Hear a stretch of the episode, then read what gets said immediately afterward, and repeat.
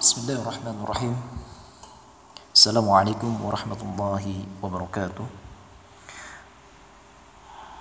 الحمد لله رب العالمين أشهد أن لا إله إلا الله وأشهد أن سيدنا محمد رسول الله اللهم صل على سيدنا محمد وعلى آل سيدنا محمد قال رسول الله صلى الله عليه وسلم ستفتحون مصر وهي أرض يسمى فيها القيرات فاستوصوا بأهلها خيرا فإن لهم ذمة ورحمة رواه مسلم Para sahabat sejarah Pada petang ini Izinkan saya Untuk sedikit memantik Terkait isu yang tersebar di antara kita Dan juga di kalangan khalayak umum lainnya terkait isu tata cara atau cara bagaimanakah cara Islam tersebar ke seluruh penjuru dunia. Yang mana tidak sedikit dari para orientalis,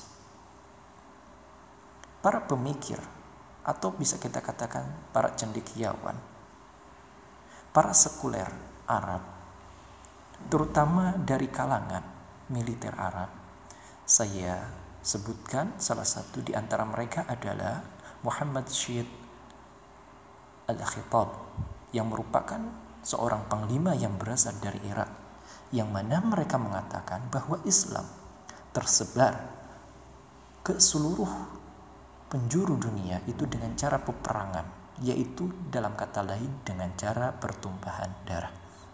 Adapun di lain pihak Sebagian sejarawan barat atau pemikir barat mengatakan bahwa Islam tersebar yaitu dengan cara kolonialisme atau juga dengan kata invasi.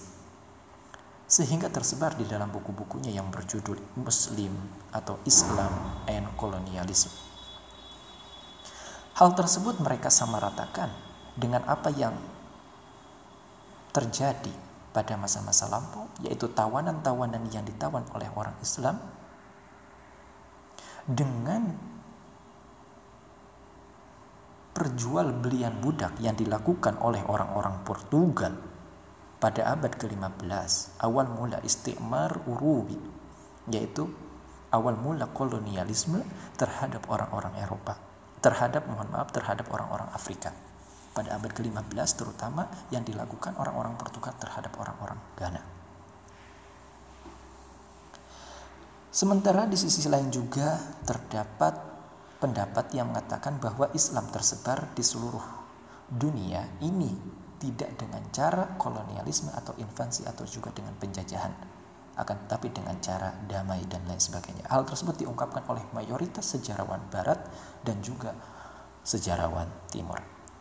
Akan tetapi, akan tetapi, sebelum kita membahas panjang lebar ke sana, justru saya di sini akan se lebih spesifik lagi, terutama setelah mendengar penjelasan-penjelasan atau pendapat-pendapat yang dikemukakan baru-baru kali ini yang mengatakan bahwa Islam masuk ke negeri Mesir dengan cara peperangan dan lain sebagainya. Sebelum panjang lebar membahas tentang proses masuknya Islam ke tanah Mesir ini, alangkah lebih baiknya kita mengenal terlebih dahulu istilah-istilah yang mereka gunakan sehingga menyebabkan terjadinya isu atau perbedaan pendapat. Dikarenakan perbedaan pendapat tersebut sehingga tidak menutup kemungkinan akan terjadi kesalahpahaman bagi mereka-mereka yang ingin mempelajari sejarah Islam dan juga agama Islam tentunya. Nah, yaitu istilah-istilah yang akan kita gunakan sebagaimana yang sering mereka gunakan yaitu kita akan sedikit mengupas dengan melalui pendekatan kita terhadap bahasa. Yang pertama kata invasi. Invasi itu sendiri adalah merupakan suatu perbuatan memasuki negara lain dengan mengarahkan angkatan bersenjata dengan maksud menyerang atau menguasai negara tersebut. Berbeda dengan yang ada di dalam bahasa Arab. Oke okay lah, kata invasi lebih cenderung dengan kata al-ghazwah atau al-ghazwu. Akan tetapi al-ghazwu di dalam bahasa Arab ini fungsinya memiliki dua fungsi penggunaan yang berbeda. Yang pertama berfungsi atau digunakan untuk hal-hal yang bersifat mulia. Dan yang kedua digunakan untuk hal-hal yang bersifat tidak baik. Yang dimaksudkan mulia di sini, sep kita ambil contoh, seseorang yang membela negaranya dari serangan penjajah guna untuk membela tanah air mereka. Itu merupakan suatu peperangan yang dianggap sebagai peperangan yang mulia, al-ghazwah asy-syarifah. Adapun yang kedua adalah yang tidak baik adalah peperangan yang dilakukan oleh para penjajah guna untuk merampas negeri orang lain atau tanah air orang lain yang kemudian mereka rampas kekayaannya guna untuk uh, kemaslahatan mereka sendiri. Nah, itu untuk invasi. Adapun juga yang kedua adalah kolonialisme atau dikenal juga dengan penjajahan. Adalah suatu paham tentang penguasaan oleh suatu negara atas bangsa lain dengan maksud untuk memperluas negara mereka itu sendiri. Nah, sementara di dalam ilmu sejarah kolonialisme itu terdiri dari dua pengertian.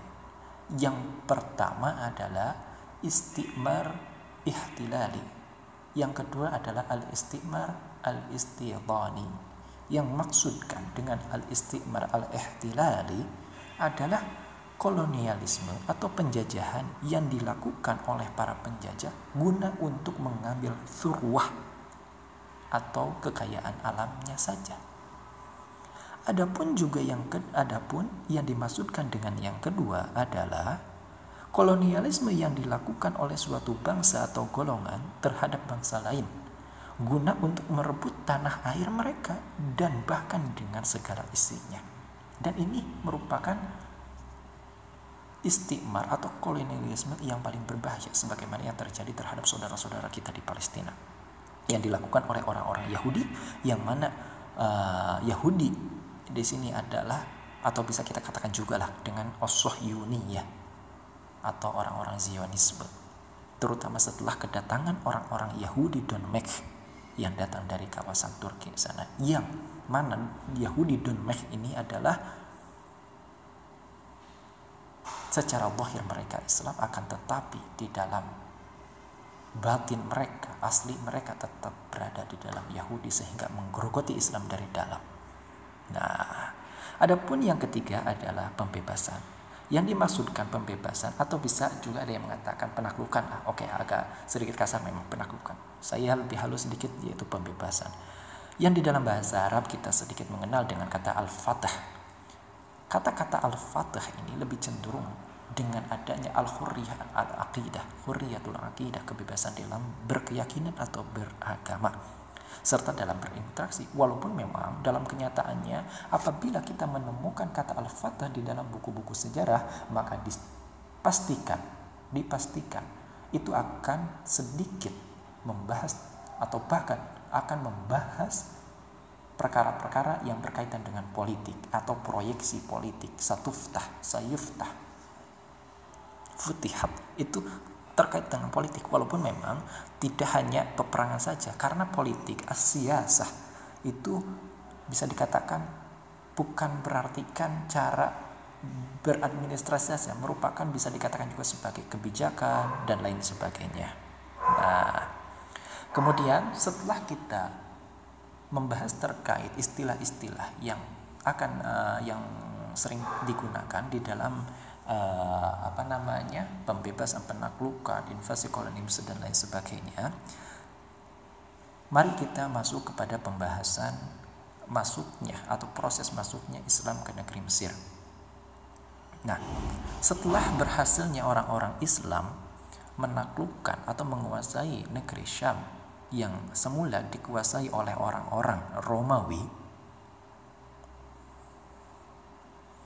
kemudian diadakan konferensi atau ratas rapat terbatas yang dihadiri oleh sang khalifah juga dengan para pembesar sahabat yang di mana konferensi tersebut dinamakan dengan Al-Jabiyah. Karena tempat konferensi itu dilakukan adalah di kota Al-Jabiyah salah satu kota yang ada di Syam pada tahun 17 Hijriah.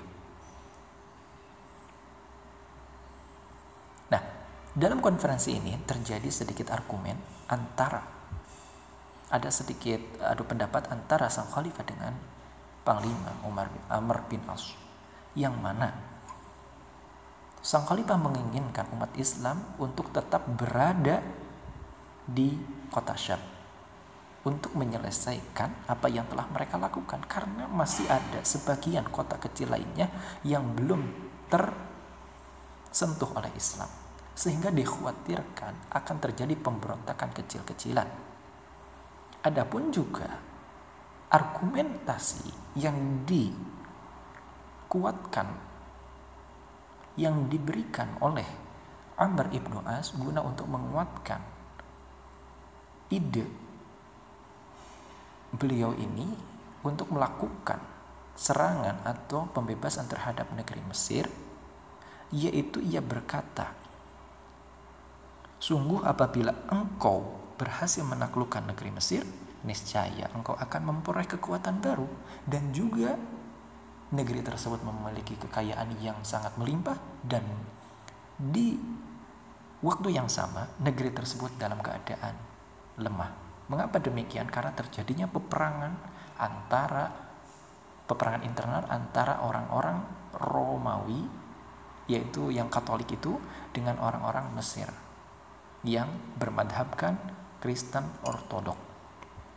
Nah, yang mana mereka dari perbedaan yaitu ada dua madhab memang di dalam Kristen pada saat itu Ortodok dan Al-Katholikiyah yang mana perbedaan tersebut berasal dari perbedaan pendapat mereka tentang esensi ketuhanan Isa Al-Masih ini.